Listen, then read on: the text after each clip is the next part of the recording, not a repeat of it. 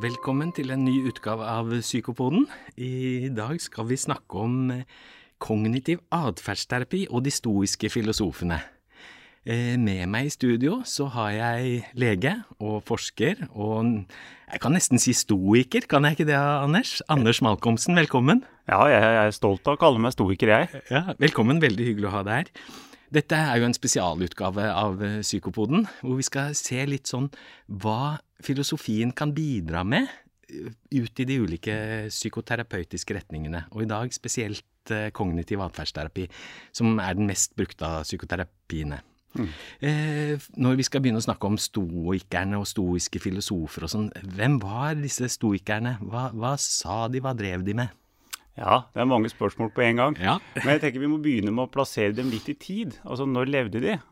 Og det jeg syns er litt uh, interessant, er at de levde jo før uh, Jesus, altså før kristendommen ble til. Og så levde de etter Sokrates. Så de levde i dette lille mellomrommet mellom Sokrates og Jesus. Og eh, da var den store debatten på det greske torget, det var hvordan skal man leve et godt liv? Og akkurat som nå, så var det stor uenighet rundt det. Og stoikerne var da en gruppe med mennesker som hadde ett veldig spesifikt og ganske radikalt syn på det. Og de sto i motsetning da til Aristoteles, som du sikkert har hørt om. Eh, vi kan si kort om hva den uenigheten Ja, eh, bare si kort om eh, Ja. De fleste har hørt om Aristoteles. Ja, og, og, men de fleste vet kanskje ikke at Aristoteles han mente at for å leve et godt liv, så må man ha gode egenskaper. Og da var det spesielt fire gode egenskaper som man da hadde fått overlevert av Sokrates. Så det var at man måtte være vis, og så måtte man være rettferdig, og så måtte man være selvdisiplinert, og så måtte man være modig. Men i tillegg til de fire gode egenskapene, sa Aristoteles, så må man ha litt flaks. Og stoikerne de sa nei, du må ikke ha flaks. Eh, flaks har ingenting med et godt liv å gjøre. Det holder å ha disse fire gode egenskapene, så får du et godt liv. Og det var den store uenigheten på den tiden. Så de sa at du skulle ha fire dyder, da. Som, Fire dyder kalte de det, ja. Mm. Det er på en måte positive egenskaper, eh, som vi ville kalt det i dag. Dydsbegrepet er jo litt dødt, da. Mm, ok, jeg måtte bare ta det inn her. Men, men fortell hva, litt sånn mer hva de tenkte, sånn når vi skal dra det over mot litt sånn dagens situasjon i psykoterapien og sånn. Ja.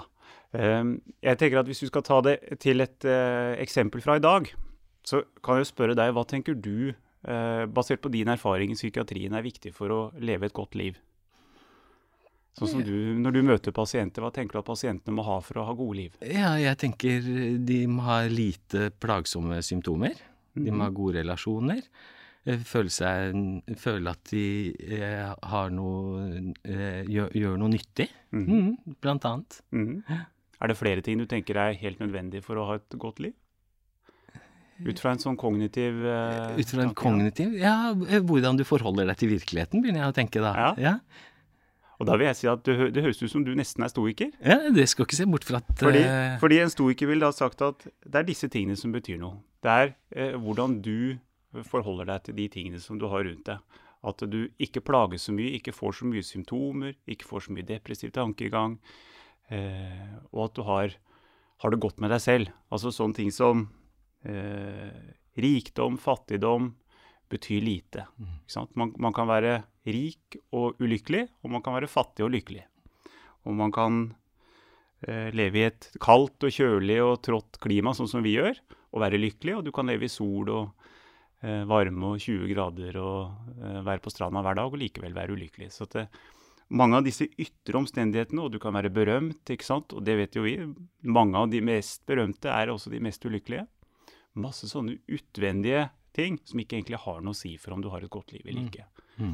Og, og det, det er vel sånn jeg har forstått litt sånn kjernen i stoisismen. Det er da- kjernen i hvor- stoisismen. Hvordan, hvordan du på en måte tolker og forstår omverdenen, bestemmer litt sånn hvordan du har det. Er det riktig? Var det Ja, altså det som mm, Stoikerne har to kjernebudskap, vil jeg si. Det første det er at det fins noe i livet du kan kontrollere, og så fins det noe i livet du ikke kan kontrollere. Og en vis mann eller vis kvinne klarer å skille mellom de to, og bare bry seg om det som kan kontrollere. Det er det første. Mm. Så du kan ikke kontrollere om du blir berømt, og du kan i liten grad eh, kontrollere om du blir rik, og du kan heller ikke kontrollere om du blir syk eller holder deg frisk. Du kan kontrollere disse fire positive egenskapene og fokusere på dem. Mm. Så Det ville være den ene tingen som stoikerne er opptatt av. Um, og det andre de vil være opptatt av, det er eh, ja, hva er det som betyr noe i livet? Hva er det som virkelig er viktig? Ja, det er disse tingene som du kan få gjort noe med. Mm.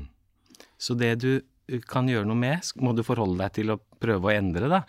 Mens det du ikke får gjort noe med, eh, kan, må du bare slippe. Ja. Det er det du sier, sånn kort sagt, Uh, Ja, Anders. det må du akseptere. Ja.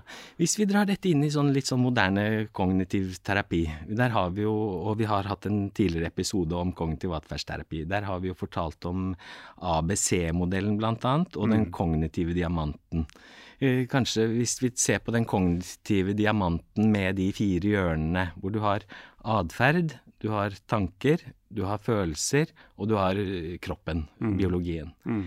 Eh, Hvordan tenker du vi kunne dratt dette inn i, i denne stoiske tankegangen, da? Fordi det blir jo sagt at disse stoikerne var jo gamle, de gamle kognitive terapeutene. Mm, absolutt. Og, og det innrømte jo også Beck og Ellis og disse sjøl, at de på mange måter har tatt det rett fra stoikerne. Og det tenker jeg er Det er interessant, altså. Ja, det er veldig åpenbart når du leser tekstene, fordi For å ta et eksempel som, som eh, Seneca skriver om, så kaller man jo disse følelsene som man på en måte ikke kan noe for, det kaller man for propateia. Altså hvis jeg eh, sant, går på gata, ser Eller du, da, for å ta deg som eksempel, så slipper jeg å bruke meg. Ikke sant? Ser en vakker kvinne, du er godt gift, har en flott kone, men du ser en vakker kvinne på gata, og så føler du begjær. Altså, du kan ikke noe for det. Det er noe menneskelig i, i det å føle begjær. Det kan du ikke noe for. Spørsmålet er hva du tenker om det begjæret du får. Og da sier stoikerne at vi har muligheten til å stoppe opp og vurdere hva, man, hva vi skal gjøre, og hvordan vi skal forholde oss til, og hva vi skal tenke om det begjæret.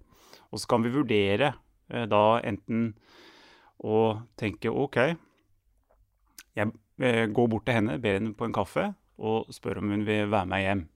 Da ville stoikerne sagt at tenk på dydens selvdisiplin.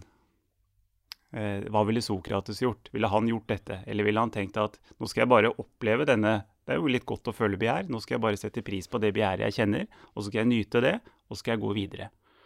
Og det at Stoikerne var veldig opptatt av at du har muligheten til å stoppe opp, bestemme deg for hvordan du skal forholde deg til følelsene dine, og så handle rasjonelt. Eh, altså bruke tankene til å bestemme deg for å vekte hva som er viktig for deg og ikke. Mhm. Ja, det, det er jo dagens kognitive terapi. Ja, det er jo det man Hvis jeg skulle omformulert det, så hadde det jo blitt litt mer den derre Hva er fordelene med å gjøre det? Hva er ulempene med å gjøre det? Hvordan vil det arte seg hvis du gjør det på den måten? Og sette opp litt sånn sammen med de personene som kommer med psykiske lidelser til deg. Mm. Ikke sant? Mm. Du nevnte følelser. Eh, I den kognitive diamanten så har vi jo følelser også. Hva tenker stoikeren om det? Og sånn, det? For meg så kan du være veldig sånn opptatt av tanker, tanker, tanker, denne stoisismen. Hvordan forholder de seg til følelser? De forholder seg til følelser som viktige eh, for å ha et godt liv, men, men de er også veldig opptatt av at følelsene ikke skal styre oss. Altså dette med som vi i dag kaller impulskontroll. Det var det de var opptatt av, at vi skal klare å tenke og føle samtidig. Det er vel det som vi i dag eh, snakker om når vi snakker om toleransevinduet. Det med å være innenfor toleransevinduet og klare å tenke og føle samtidig. Det var det stoikerne var opptatt av. De ville gjerne føle sorg, og de ville gjerne føle eh, glede eh, og lyst og begjær, men ikke så sterkt at de ikke klarte å handle i tråd med det de tenkte var dydene, da. Mm. Ja, for, for det, det er også sånn litt sånn i kognitiv terapi at vi tenker at vi ikke kan påvirke følelsene så mye, mm. men, men, men vi kan på, på en måte sjekke tankene og hvordan vi tenker, og se om det er realistisk og hensiktsmessig på en måte. Er det, det er det du sier nå, er det ikke det? Absolutt, og, og, og jeg syns Seneca er en av de som har sagt det klarest når han sier at eh, vi kan påvirke hvordan ting påvirker oss. Vi kan trene oss til å hvordan følelsene skal påvirke livene våre. Mm. Mm. Ja, for dette er jo en gammel debatt, ofte mellom psykodynamikere og kognitive retninger. Hva kom først, følelsene eller, eller tankene? Og det var jo ikke mm, stoikerne så opptatt av. De var mer praktiske filosofer. De var ikke så opptatt av hva kom først, og hvor kommer mm, ting fra. De var opptatt av hvordan kan vi leve gode liv. Mm. Og, og, Og det er en radikal filosofi. altså Mange vil være uenig i dette. her. Mange tenker at følelsene har en større plass. Det er godt å være irrasjonell. Det er menneskelig å uh, la seg lede av å være i følelsenes vold. kan være uh, Og at noen ganger at følelsene kan fortelle oss noe viktig. Der ville stoikerne vært uenige. At følelsene kan fortelle noe viktig? Ja. De ville vært uh, på en måte tenkt at følelsene kan ofte lure oss. Og vi bør, hvis det er uenighet mellom følelsene og tankene, så er det tankene våre som skal styre oss. Da er det de som vinner. Ja. for jeg tenker jo at i, i kognitiv terapi at vi tenker at følelsene er veldig viktige, og det er det som gjør at personer med psykiske lidelser kommer til oss. De er deprimerte, de er triste, de fungerer ikke. Så, så kommer de. Men, men at det er hvordan vi på en måte tenker og hvordan vi tolker ulike situasjoner, bidrar til å opprettholde disse da, negative følelsene i, i gåseøynene. Mm. Og det ville vært akkurat eh, det Ja. eh, stoikerne også mener, at, at måten vi tenker rundt ting på, opprettholder og uh, skaper de negative følelsene. Mm. Ja. ja, for hvis vi, hvis vi tar den eh, litt sånn, litt sånn vanlig kognitiv atferdsterapi Vanlige eksempler er jo å illustrere f.eks. gjennom ABC-modellen hvordan vi kan på en måte påvirke tankene, da, eller få, kanskje få, få alternative tankemåter om ulike situasjoner, og få en sånn kognitiv eh, fleksibilitet. Jeg tenker sånn, Hvis jeg kommer på jobben, og så hilser ikke en kollega på meg, og så er jeg litt deprimert i utgangspunktet, eh, og så tolker jeg og sier sånn Oi, han, jeg, han, jeg er ikke verdt å hilse på engang, og så blir jeg enda mer trist, og så blir jeg enda mer eh, lei meg, og så går jeg hjem fra jobben, og så legger jeg meg på sofaen og grubler videre over dette her. Og da vil jo jeg som kognitiv terapi Oi, hva, er det andre grunner til at han ikke hilste på deg? Kunne det være at han var litt distré i dag, eller ikke sant? Og prøve å få prøve å få alternative eh, synsmåter som kanskje kan være mer realistiske. da. I hvert fall ja, eh, kanskje en bedre en holdning til de, sånn at de ville fått det bedre. Skjønner du hvor jeg vil hen? Ja, og da tror jeg vi er inne på en, en viktig forskjell kanskje mellom øh, fokuspunktet til stoisismen og kognitiv terapi. Fordi jeg har jo også god erfaring med kognitiv terapi, og det kan være nyttig. Men så ofte, noen ganger, så kommer man til et punkt hvor man innser at den kollegaen var jo sur på meg. Den kollegaen likte meg ikke. Eh, og det var sånn at de sto og lo av meg. Det var akkurat sånn som jeg tenkte. Altså, noen ganger så går det ikke an å tenke annerledes fordi virkeligheten er som den er. Og, og livet kan være trist i perioder. Og da ville jeg som kognitiv, terapi, te, kognitiv terapeut sagt ja, ja, hvordan vil du forholde deg til det? Nettopp. Og det er den Og, stoiske og, der, og der kommer den stoiske holdningen inn. At da må man tenke er dette viktig for meg? Er det virkelig viktig for meg at alle skal like meg? Er det sånn jeg får et godt liv? Ved å være likt av alle? Er det det jeg skal fokusere på? Mm. Eller skal jeg fokusere på disse fire dydene? Fokusere på å være så vis jeg kan, så rettferdig jeg kan, så modig jeg kan, så selvdisiplinert jeg kan, og stole på at disse Det å utvikle meg selv istedenfor å hele tiden fokusere på hva andre tenker om meg, Kanskje det er det jeg skal gjøre. Kanskje jeg skal eh, tenke på, sånn som jeg syns Seneca sier det godt, tenke på hvem jeg skal bli, og ikke hva jeg skal bli. Og det er vel kanskje der jeg finner mest eh, styrke i stoisismen i dag. Dette fokuset på hvem man skal være, og ikke hva man skal være. For vi tror man til alle tider har vært veldig opptatt av hva man er, Mm. eh, i andres øyne. Mm. Og, og, og, og stoikerne tenker helt motsatt. Ja. ja, for dette er jo livsvisdom fra sto- stoisismen som du på en måte fant eh, nyttig, Anders. Mm. For det, det må jo bli sagt også at du kom jo inn i kognitiv terapi via stoisismen, og så så du ja, men her er det ganske mange likheter. Mens jeg på en måte gjorde det motsatt vei. Jeg kom fra kognitiv terapi og leste de gamle stoikerne. Og ja, men her, her sier du det samme som vi sier i kognitiv atferdsterapi. Men det som er felles her, er jo på mange måter hvordan, hvordan de kan ut, utvikle hverandre, på en måte. Altså hvordan de utfyller hverandre, var ordet jeg lette etter. Mm. Ja, det tenker jeg også at stoisismen kan hjelpe oss når livet virkelig er tragisk. Og den kognitive eh, terapien kan hjelpe oss når vi tror at livet er tragisk, men det egentlig er fint. Mm. Det må Og- du utdype litt. Altså, sånn som vi snakka om i stad, at hvis, eh, hvis du er deprimert, så kan det være noen ganger at eh, man, man har en sånn type emosjonell resonnering, eller man overgeneraliserer, eller man ser vekk fra det positive. Altså Man har sånne typer som i kognitiv terapi kalles tankefeller.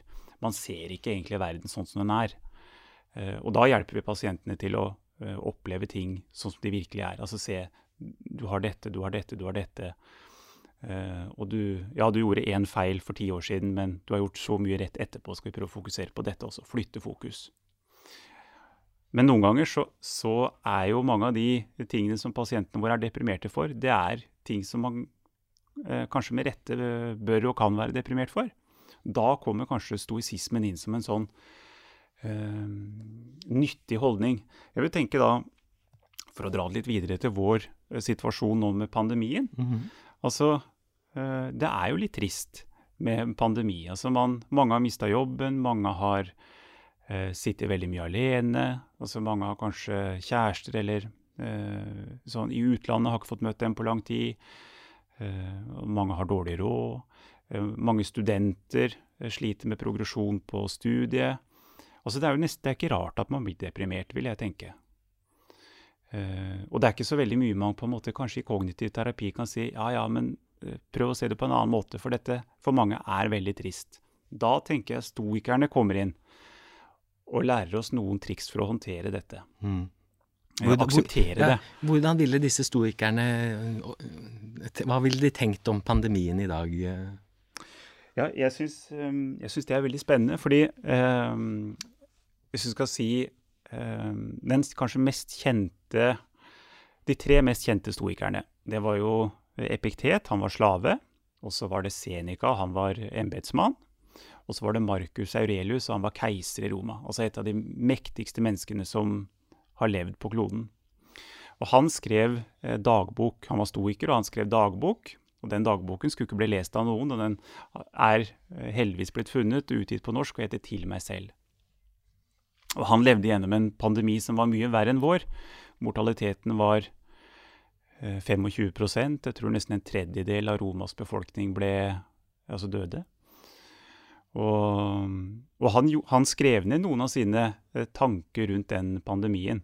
Oi, hva, ja. hva, skrev han da? Husker du noe av det? eller? Hvordan, ja, han, hvordan, forholdt han seg til den pandemien? For da hadde han jo faktisk ansvaret som keiser da, ja. for alle folk. Jeg har lyst til å lese et lite sitat for deg som, om hva han skriver her. Han skriver Det som ødelegger tanken, er en pest langt verre enn den som nå blander farlige stoffer i luften omkring oss. Den slags pest som rammer kroppen, rammer oss bare som kroppsvesener. Men den første rammer tanken, den rammer oss som mennesker. Og det han er inne på her, er at han ser at den pandemien som rår i Roma på den tiden, den rammer menneskene hardest når den rammer i, i tankene våre om fremtiden, om oss selv. Altså dette som, Den frykten som brer seg, den skepsisen. ikke sant? Vi hadde disse hamstringene og sånn som vi så i pandemien eh, vår. Heldigvis har det gått bra med oss, men det, altså vi må være veldig bevisste på hvordan eh, dette påvirker oss i måten vi eh, tenker rundt oss selv og andre på. Mm. Like redde for det og konsekvens, de tankemessige konsekvensene som av selve sykdommen. Ja, At du begynner å bekymre deg for fremtiden, eller gruble om situasjonen du er i, ensomheten ja. og sånne ting. Er det ja. det du tenker på? Og, og, den avstanden som det på den tiden ble skapt mellom mennesker. ikke sant? Alle var redde for hverandre. Ingen ville hilse på hverandre. De som hadde antydning til symptomer, ble sendt ut av Roma. Mm. Sånn som man kunne se litt i hiv-pandemien. ikke sant? At, at ja, man blir liksom persona non grata. Mm. Den type konsekvenser av pandemier var Aurelius veldig opptatt av. Men så sier han etterpå at det er jo veldig mye vi kan lære av dette. Ikke sant? Nå har vi, og det tenker jeg er helt overførbart til vår tid. Vi har mm. mista mye av det som vi tidligere har hatt. Så nå har vi muligheten til å prøve å tenke etter hva er det som virkelig betyr noe for oss. Og, og, hva er det som ikke betyr noe. Så nå kan vi ha en liten sånn stoisk øvelse hvor vi tenker OK uh, hva er det som, Når jeg skal tilbake til livet mitt nå, hva er det virkelig som betyr noe? Hva er det jeg skal fortsette med, og hva er det jeg kanskje har, pandemien har klart meg uten? Mm. Uh, og Det er en av de positive tingene man kan ta ut av det. Og så er det mange, ikke sant, hvis vi tenker på de dydene, da. Selvdisiplin utrolig mulighet til å øve på det nå, som mange kanskje ikke har en jobb å gå til. Man må finne egne årsaker til at man skal stå opp klokka sju og eh, spise tre ganger om dagen og holde seg aktiv. Mm. Og jeg tenker at Hvis man bruker pandemien til å trene på den type egenskaper, så vil man ha stor nytte av det også når pandemien er over. Men øh, når du sier det, altså begynne å trene når du ikke har trener trene på disse stoiske tankegangene, metodene.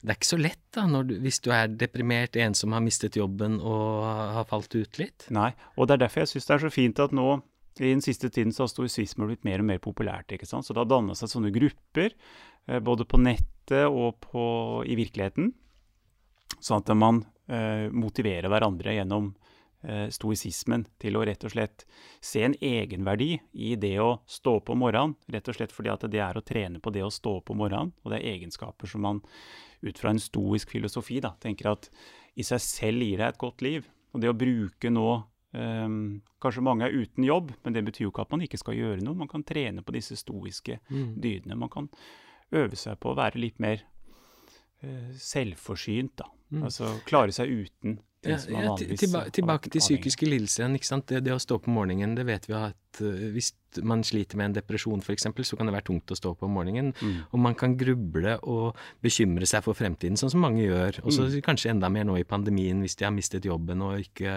ha, ikke har så stort sosialt nettverk som tidligere. Da. Mm. Uh, så, og da sier du at uh, de skal prøve å ha en mer sånn aktiv holdning til det, da. Og, begynne å prøve å trene, er det det du sier? Eller? Ja, og, og se på, på, denne motgangen litt som en mulighet. Mm. Altså, Seneca har mange fine sitater, men han sier også at um, du kan ikke slipe en diamant uten friksjon. Sant? Og et menneske kan ikke øve på dyder uten motgang. Og, og stoikerne ser på alle sånne uh, tilfeller av motgang i livet som muligheten til å øve seg på dyder. Mm. Og For å ta et ekstremt eksempel så fra Senecas liv Han hadde jo astma, sant? og han hadde astma før vi fikk medisiner hadde grusomme astmaanfall, mm. hvor han da var nær døden hver gang han fikk et anfall. Han sa at astma det er min måte å øve meg på å dø. Mm. Han så på astmaen sin som en mulighet til å øve seg på en dyd. Mm. Ja, og, jeg, jeg, finner sånne eksempler inspirerende. Mm. Og, og, mm. så, så, motgang Men det kan være noe sånn litt moralistisk i det, kan det ikke det? Litt sånn eh, eh, Du må klare det, eller du må prøve å gjøre det, eller og det tror jeg stoikerne ville vært helt enig med deg i. At, at, at, de ville det? At, at, dette her er ikke for sarte sjeler. Dette Nei. er for uh, fordi du skal virkelig være motivert hvis du har lyst til å bli stoiker. Mm. Og jeg tenker ikke at stoisismen er nødvendigvis en nøkkel for uh, alle, og at det er uh, måten alle skal få et godt liv på. Mm. Men det passer for noen. Mm. Men Epiktet han sier jo i sin lærebok at det blir våkenetter og slit. Og du må si nei til ære og berømmelse, og mange kommer til å le av deg. og Uh, og det blir mye ensomhet og, og, og, og, slit hvis du har lyst til å bli stoiker. Og dette er ikke for alle. Eh, nei, nei, ikke for alle. Det er nesten sånn i den lille Han har en liten bok på noen og 50 sider eller ja, noe, har han ikke ja. det? Hvor han nærmest ikke anbefaler det til en del folk. Er det ikke sånn? Jo, jo ja. det, det, er riktig, det. Mm, mm. Men, men, jeg tenker at uh, fordi dette her passer for, så er det livsforandrende. Mm. Og det er det som jeg syns er så morsomt å se nå mm. på, på nett, eh, mm. når du, disse Facebook-gruppene og sånn som er, at, at, det er så mange som ikke kjenner seg igjen i noen ting i psykiatrien. Mm. Ikke, ikke syns at kognitiv terapi er noe, det blir for mye modeller, det blir for tamt, det blir for slapt. Eh, orker ikke å sitte og snakke føl om følelser i evigheter i psykodynamisk terapi. Vil ha noe som krever litt, vil ha noe som som gjør at du må, må rette deg opp i ryggen og, og, ta ansvar for ditt eget liv. Mm. Og da er kanskje stoisismen eh, noe for deg, da. Mm. Og jeg tenker at det gir også en sånn I situasjoner så kan det være mange valg og vanskelig å velge, og stoikerne gir deg en sånn tydelig pekepinn på hva som er viktig, og hva som ikke er viktig mm. i livet. For, for, den enkelte. For den enkelte. For den enkelte. For det blir jo for hva som er viktig for meg, trenger ikke å være viktig for deg, f.eks. Nei, men at da hvis begge vi to hadde vært stoikere, så hadde det vært viktig for oss begge først og fremst å fokusere på Eh, hvem vi skal bli, og ikke hva vi skal bli. Mm. Og disse fire dydene ville vi uh, prøvd å mm. utvikle og sett på motgang som en mulighet til det. Mm. Jeg har lyst til å komme tilbake, Du nevnte grubling og bekymringer. Eh, altså Det er jo vanlig ved psykisk lidelse. Angstlidelser så er det jo å bekymre seg for fremtiden. Grublinger ved depressive lidelser er jo ofte et av de klassiske symptomene som, eh, som de sliter med. Blir liggende på sofaen sin og gruble over, over eh, aspe ulike aspekter ved livet. Mm. Hvordan ville stoikerne sagt det, da? Her ville jo jeg kanskje sagt ja, du må prøve å ikke gruble, du blir ikke noe bedre av det. Kan du prøve å gå en tur, kan du prøve å komme deg ut eh, ville stoikerne sagt noe om grubling? For vi var litt sånn hvordan forholde seg til det, og da begynte jeg å tenke litt på de der tredje, tredje bølgene med kognitiv terapi, som metakognitiv terapi og acceptance og commitments-terapi og sånne ting. Ja, og, og, Bod, og Stephen Hayes har jo lånt masse fra stoikerne, og også litt fra uh, buddhistene, da, når, når, han har utvikla sin act eller acceptance. Ja, også mindfulness-basert kognitiv atferdsterapi. Og stoikerne drev jo mye med mindfulness. altså De drev jo mye med dette å bare akseptere de følelsene man har, og akseptere det som skjer, litt sånn fordomsfritt og, mm. og uten eh, normative vurderinger. Mm. Og jeg tenker at det med grubling, det, um, det er jo et nytt begrep. Mm ikke sant? Og det at grubling er noe veldig negativt, det er jo Eh, ganske nytt. Filosofer, altså Stoikerne spesielt, de eh, kalte jo ikke det grubling, de kalte det negativ kontemplasjon. altså ja. De hadde noen øvelser som de anbefalte at man skulle da forestille seg at man mista noe man var veldig glad i. Dette høres litt sånn konterintuitivt ut hos meg ja, nå. Det skjønner altså, jeg. Hvis du er deprimert, så skal du forestille deg noe som er enda verre. Litt sånn verstefallstenkning, da. Ja, mm. og da er spørsmålet om du tenker at kan du eie noe eh, fullt ut som du ikke tåler å miste? Da ville en stoiker ville sagt du kan aldri eie fullt ut noe ikke, du ikke tåler å miste. Mm. Så hvis, hvis, du er avhengig av det, så betyr det at du tåler ikke å miste det. Hvis du er avhengig av noe, så kan du aldri eie det fullt ut. Nå, hvordan kommer du inn på grumling der? Og da, da er øvelsen er sånn at da skal du prøve å forestille deg i detalj med alle de fem sansene at du mister noe du er veldig glad i. Og det kalte du negativ kontemplasjon. Ja, du, Men kaller du det grubling?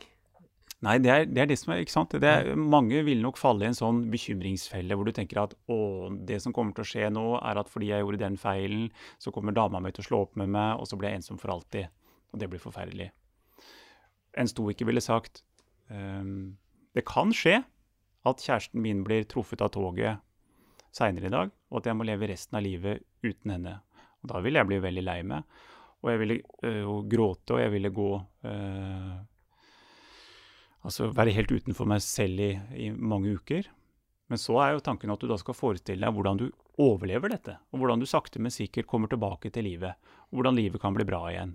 Og mm. hvordan du kan klare å gå videre. Mm. Sånn at hvis dette skulle skje, og det skjer jo i mange menneskers liv at, uh, at, at man mister noe man er veldig glad i, så har man forberedt seg, og man vet med seg selv at man kan klare å gå videre. Mm. Og så Stoikerne hadde en tanke om at eh, Hvis du tenker deg kjærligheten som en mynt, så er ikke det som er på baksiden av den mynten eh, Altså, kjærlighetens eh, motpol er ikke sorgen. Så jeg trenger ikke å være like lei meg for at noen dør som jeg var glad i dem mens de levde. Hvis du skjønner at Hvis jeg, jeg, er kjempeglad i deg, sant? Mm. Uh, og, jeg blir lei meg hvis du dør, mm. men jeg trenger på en måte ikke å sørge eh, i ti år hvis mm. jeg var glad i deg i ti år. Ja, jeg, jeg, jeg, bare strever litt med å det, det, er litt sånn, kanskje litt sånn pessimistisk, tenker jeg. Eh, eh, tenker ikke du det? Eh, og da tenk, begynne å gå inn i negative ting som kan skje i livet ditt? Ikke hvis du tenker at du går inn i de negative tingene fordi at det skaper noe positivt i dag. Den ultimate eh, stoiske øvelsen, det er jo memento mori. Husk mm. at du skal dø. Mm. Ja, det leste jeg om, og, og, de anbefaler jo faktisk at du skal gå på, gå på eh, en gravplass ja, hver dag. At du, skal, at du, skal, gå innom kirkegården hver dag for å huske at du er dødelig. Mm. Og, og, noe av det som uh, de som har hatt kreft f.eks. For forteller, det er jo at det er en oppvåkning. Altså du, du møter din egen dødelighet. Du skjønner at dette livet her, det er ikke mitt å odle eie, det er meg til låns, og jeg kommer til å dø en gang. Og det gjør at du i større grad klarer å sette pris på livet mens du har det. Mm. Ja, for, sånn tenker stoikerne at det er med alt. Ja. Og da, da, får jeg en helt annen, litt sånn psykoterapeutisk eh, retning opp i mitt hode, som mm. er litt annerledes. Mer sånn eksistensiell psykoterapi, mm. som ofte tar opp døden som et perspektiv i livene våre, med. Irvin Shalom og den gruppen hans. Ja, og det, er, og det er det masse eksistensielle perspektiver i stoisismen. Mm. For de forholder seg jo til de store spørsmåla som ikke det fins noen svar på eller noen løsning på. Men det som er morsomt med stoisismen, er at de også forholder seg til de bitte, bitte små tingene. Altså de, eh, de, minste og de største problemene i livene våre mm.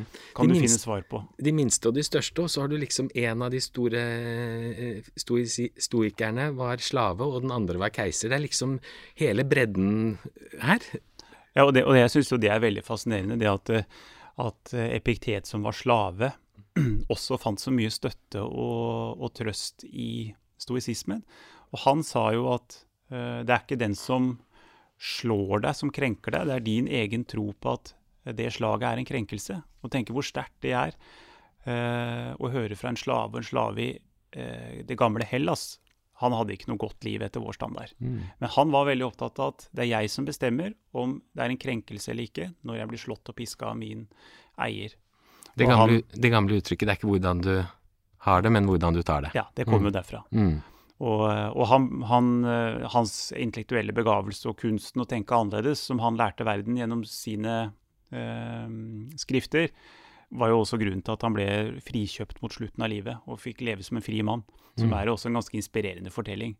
Så jeg tenker noen ganger at hvis når jeg har problemer i mitt eget liv, eh, og, og, føler at, at, jeg har blitt dypt krenka fordi at noen har tuta på meg fordi jeg har kjørt litt sakte med bilen, så tenker jeg noen ganger på Epiktet og hans sitat om at ja, det er ikke den som tuter på deg, som krenker deg. Det er din tro på at dette er en krenkelse. Mm. Så tenker jeg hvor liten den krenkelsen er i forhold til det han tålte. Mm. Og, og, og, det gir meg en styrke som jeg ikke finner i den kognitive terapien. fordi den kognitive terapien har ikke disse store heltene. Nei, det metaperspektivet har den ikke, ja, ikke, ikke, i manualene, på en måte. Nei, Nei. Men, men, det blir litt sånn, meta, litt sånn metakognitiv terapi, hvordan du forholder deg til, til tankene dine, mm. på en måte. Mm. Mm. Og så syns jeg det er mer inspirerende å, å tenke på levde liv.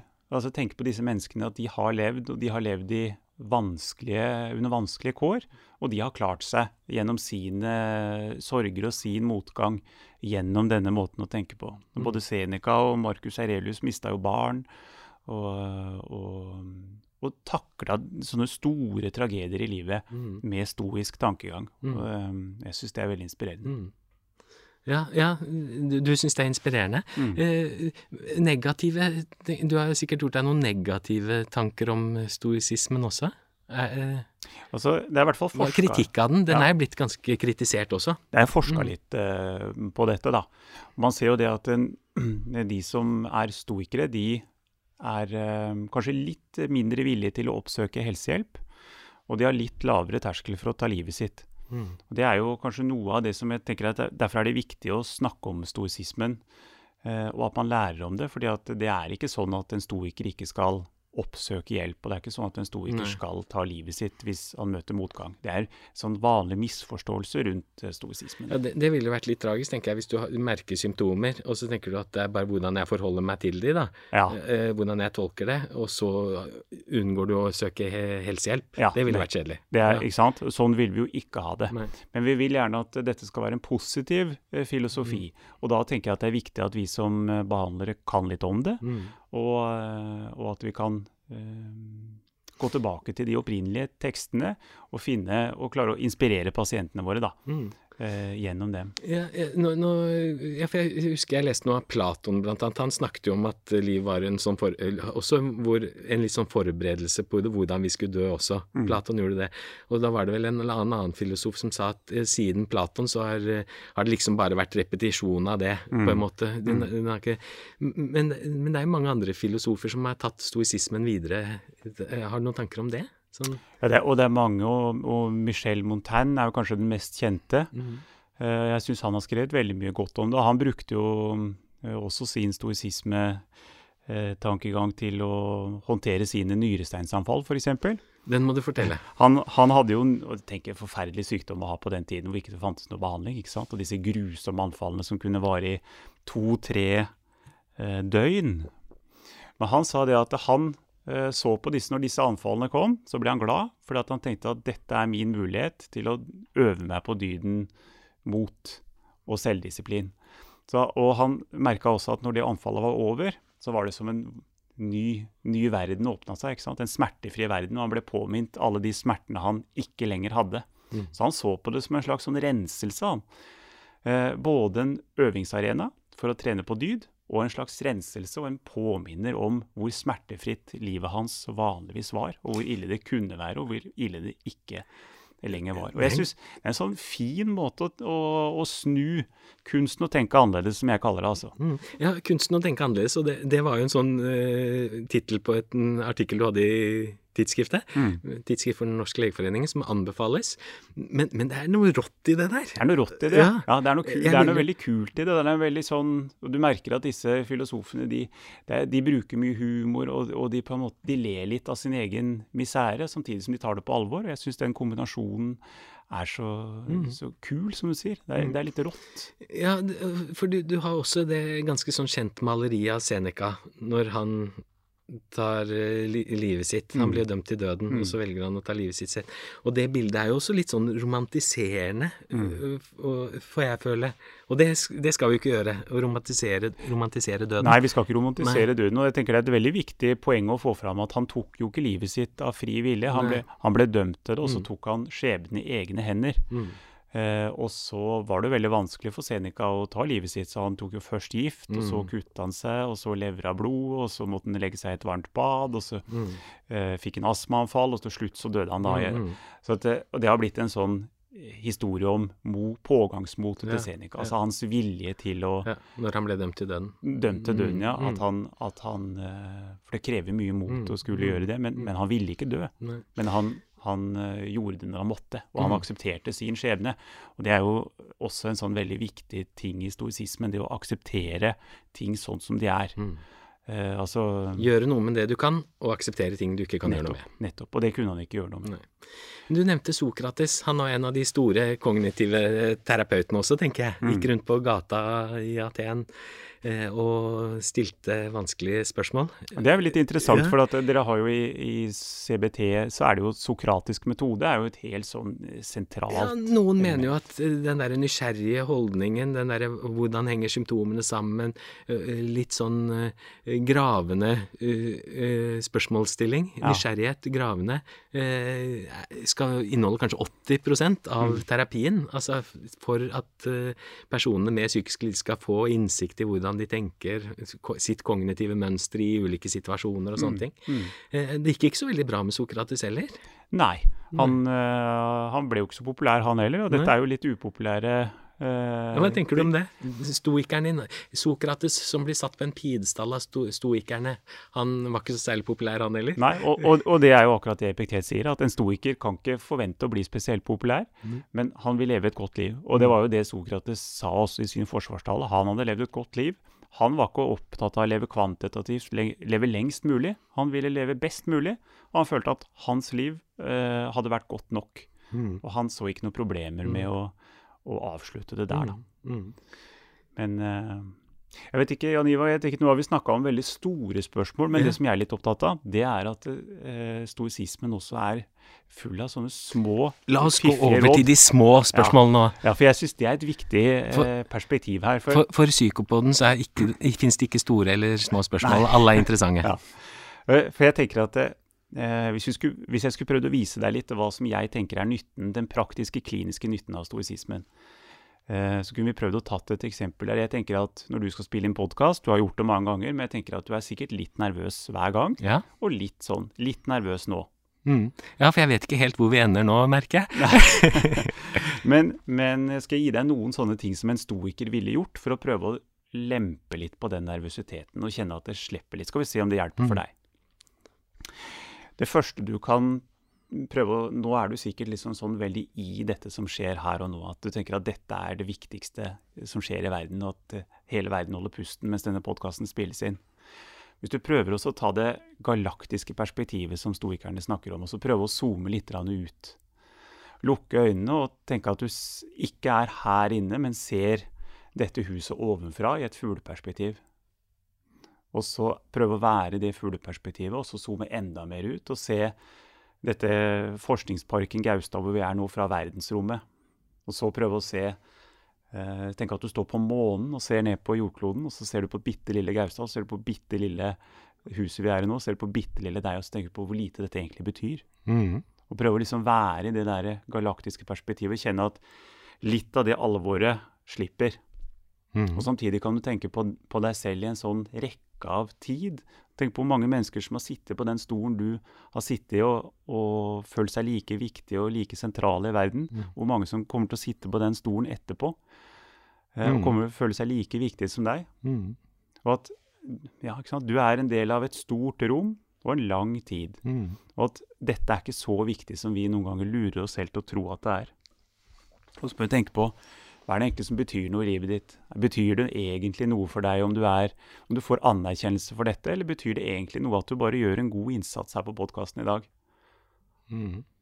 Jeg ville tenke at hvis du prøver å anlegge det stoiske perspektivet, Mm. så er det viktige det er jo innsatsen du gjør. Mm. Uh, hva andre tenker om det, det betyr ingen, ikke så mye. Og det du prøver, hvis du tenker at dette er bare vellykka hvis folk syns det er bra, Mhm. ja, da prøver du å kontrollere noe som du ikke kan kontrollere, nemlig hva andre syns. Og det er ikke noe vits i. Nei. Nei. Det er oppskriften på å bli nervøs, det. Mhm. Å Mhm. prøve å kontrollere noe du ikke kan kontrollere. Mhm. Og det lærer vi jo pasienter med angst, f.eks., i kognitiv terapi. Ja, det er, det er eh, klassisk Ren kognitiv kognitiv terapi. Og hvis dette går dårlig, Jan Ivar, Mhm. må du tenke på det er, må elske din skjebne. Mhm. Da, er det, det- da kan du bruke den anledningen til å møte, øve på dyder. Mm. Øve på motgang. Mm. Tenk at eh, Mm. du skal slipes gjennom Mm. friksjon som diamanten. Sant? Da, Mm. da får du en øvingsarena for Mm. dyder. Og så ser jeg, ser jeg at du rødmer litt eh, i kinnene når du sitter her. tenker jeg at det, og det kan man bli litt sånn selvbevisst på. Og Seneca var litt opptatt av det. Han sa at eh, rødming det er tvert imot et tegn på virilitet, på styrke. Mm. Altså det er brusende blod. Altså det er sånn, det er en livskraft i mennesker som er litt røde i kinnet. Det syns jeg du skal være stolt av. Jeg blir misunnelig på dine rødblusne kinn jeg nå. Mhm. Jeg ser de sitter der.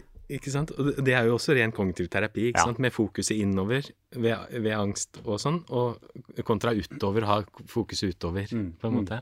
Og alle disse tingene er stoiske øvelser, og det Mm. minner jo til forveksling på kognitiv terapi. Da. Mm. Mange av de er jo det. Mm. Men som du har sagt, de har jo en del forskjeller også. Mm. De har jo det.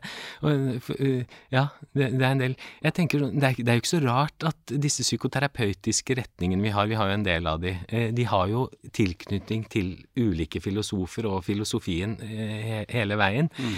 Jeg får sånn der tanke om Spinoza og Freud. Mm. Psykoterapiens far, Freud, ble jo kritisert for å ikke referere til eh, Spinoza. Mm. Og da sa Freud at eh, det hadde vært umulig for meg å referere til Spinoza, for han var med meg hele tiden. Mm. Ikke sant? Så du har eh, Og jeg tenker sånn, det er, det er ikke så rart, for filosofiene prøver jo å finne ut litt sånn hva er mennesket, hva er et godt liv, hva er sånn. Og psykoterapiene la, lager jo en modell for, eh, for hvordan psykiske lidelser oppstår, hva som vedlikeholder dem, og hvordan de kan behandles på en måte. Så det er jo hele tiden mange store likheter her, som jeg tenker vi, vi, vi kanskje psykoterapi, psykoterapeuter kan bli mer bevisste på, og få et, et litt sånt verktøy til på mange måter, Mm. Jeg er enig. Og så tenker jeg det er litt, eh, det er litt morsomt å, å tenke på. Vi husker på studiet så hørte vi at psykologi var et nytt fag. Mm. Jeg skjønner hva man mener med det er et nytt akademisk fag, men det å tenke på at vi står i en tradisjon som strekker seg eh, så langt tilbake som det har vært tenkende mennesker, det at, at man har prøvd å gjøre hverandres liv bedre gjennom å endre på tankene, jeg tenker Mm. at det er litt fint. Og det å oppsøke noe av den, det arbeidet som har blitt gjort før, det har i hvert fall inspirert meg som eh, terapeut. og Jeg vil anbefale lytterne av podkasten å kjøpe eh, noen av disse bøkene, og, eller låne dem på biblioteket. og og, og prøve å utforske litt selv, Og lese litt om du, det. om du finner Mm. noe inspirasjon i Mm. det. Og så anbefaler vi også å lese litt om psykoterapi òg. Ja. Det er altså veldig spennende. du Anders, jeg tror vi kunne snakket og snakket og snakket. Er det noe sånn eh, som er eh, viktig på slutten, som du har lyst til å Som vi ikke har fått med oss? Før vi tar lunsj? Eh, Jeg ville tenke det at, at kanskje vi, er jo, Dette er jo en podkast, og man kan jo høre på det når man vil. Ja. Men hvis noen av lytterne har lyst til å øve på dette selv, Mhm. så Hva gjør de da? Nei, hva gjør de da? Ikke sant? Jeg tenker at eh, da eh, Jeg tenker at neste gang man skal spise, Mhm. så kan man prøve da også gjøre noen stoiske øvelser. Og da vil jeg anbefale at man eh, for det første eh, prøver å eh, stå eller sitte veldig ukomfortabelt når man spiser. Sånn at man husker på hvor komfortabelt man vanligvis har det. For det tar vi. Stoler, f.eks. Gode stoler, det tar vi for gitt. Mm. Så prøv å stå eller sitte litt ukomfortabelt for å minne deg på at jøss, jeg har det egentlig ganske bra til vanlig. Mm. Og så vil jeg tenke at du skal prøve å vaske hendene i iskaldt vann. Og gjerne med litt isbiter. Ja. Bare for å tenke på fy fader, så deilig det er at vi har varmt vann. Tenk på det. At vi har varmt vann i springen. Huske på det gode vi har. Ja. Og så hvis du tenker at ah, kjedelig, kjedelig lunsj, liksom. Nok en gang denne lunsjen. Prøv å hoppe over lunsjen, og, eh, og se åssen det er. For sult, ikke sant, det er den beste saus, som det heter. Og det å prøve da også å si OK, denne, jeg er kanskje lei av denne lunsjen, men den er likevel viktig for meg. Det kan være en sånn type stoisk øvelse. Og mm, prøve å spise sakte. Altså det å, å stoppe opp og virkelig kjenne, kjenne på de smakene, kjenne på maten, hvordan den er. Være litt til stede i øyeblikket. Stoikerne var også veldig opptatt av det. Akkurat som mindfulness også er. ikke sant? Mindfulness eating er jo blitt et eget begrep. Absolutt. Og så tenker jeg at mens man sitter her, så kan man prøve å se seg selv fra verdensrommet. Se seg selv som en prikk i verdensaltet, som Marcus Aurelius ville sagt. Eller tenke på alle de som har sittet på den stolen uh, før deg. Mm. Eller eh, Og så tenke litt på døden. Tenke at dette kan være den siste biten. Og Seneca eh, sier jo det at det er ikke noen grunn til å være eh, redd for de store eh, farene i livet, for du kan bli kvalt av ditt eget spytt. Mm. Altså, du kan når som helst sette mat i halsen og dø. Mm. Dette kan være din siste bit, og prøve å tenke litt på det. Ta det innover deg, Mm. og prøve å ikke være redd for det, men heller akseptere at sånn er livet. Mm. Det er farer overalt. Er Uforutsigbart, og du kan ikke kontrollere det. nettopp. Som eh, psykiater Ingvar Wilhelmsen ville Mm. sagt. Og han er i hvert fall stoiker, selv om han ikke har eh, innrømt det. Han, han er vel ja, Alt han sier, er tatt rett ut av Senecas munn. Det, hører, det var en uh, ganske fin avslutning, tenker jeg. Det var det. Veldig hyggelig, og vi kunne, som jeg sa, holdt på lenger. Mye livskunnskap. En del koblinger over til psykoterapeutiske retninger. Ikke bare kognitiv terapi, men også andre psykoterapeutiske retninger. Som kan underbygge hverandre og gi hverandre et sånn bredere forståelse. Mm. Så da sier jeg tusen takk for at du kom, Anders. Takk for at vi kom. Veldig hyggelig. Og så har jeg lyst til å si takk til Morten Skoglund også, senioringeniør ved seksjon for medisinsk informatikk. Og jeg heter Jan Ivar Røsberg, og vi høres.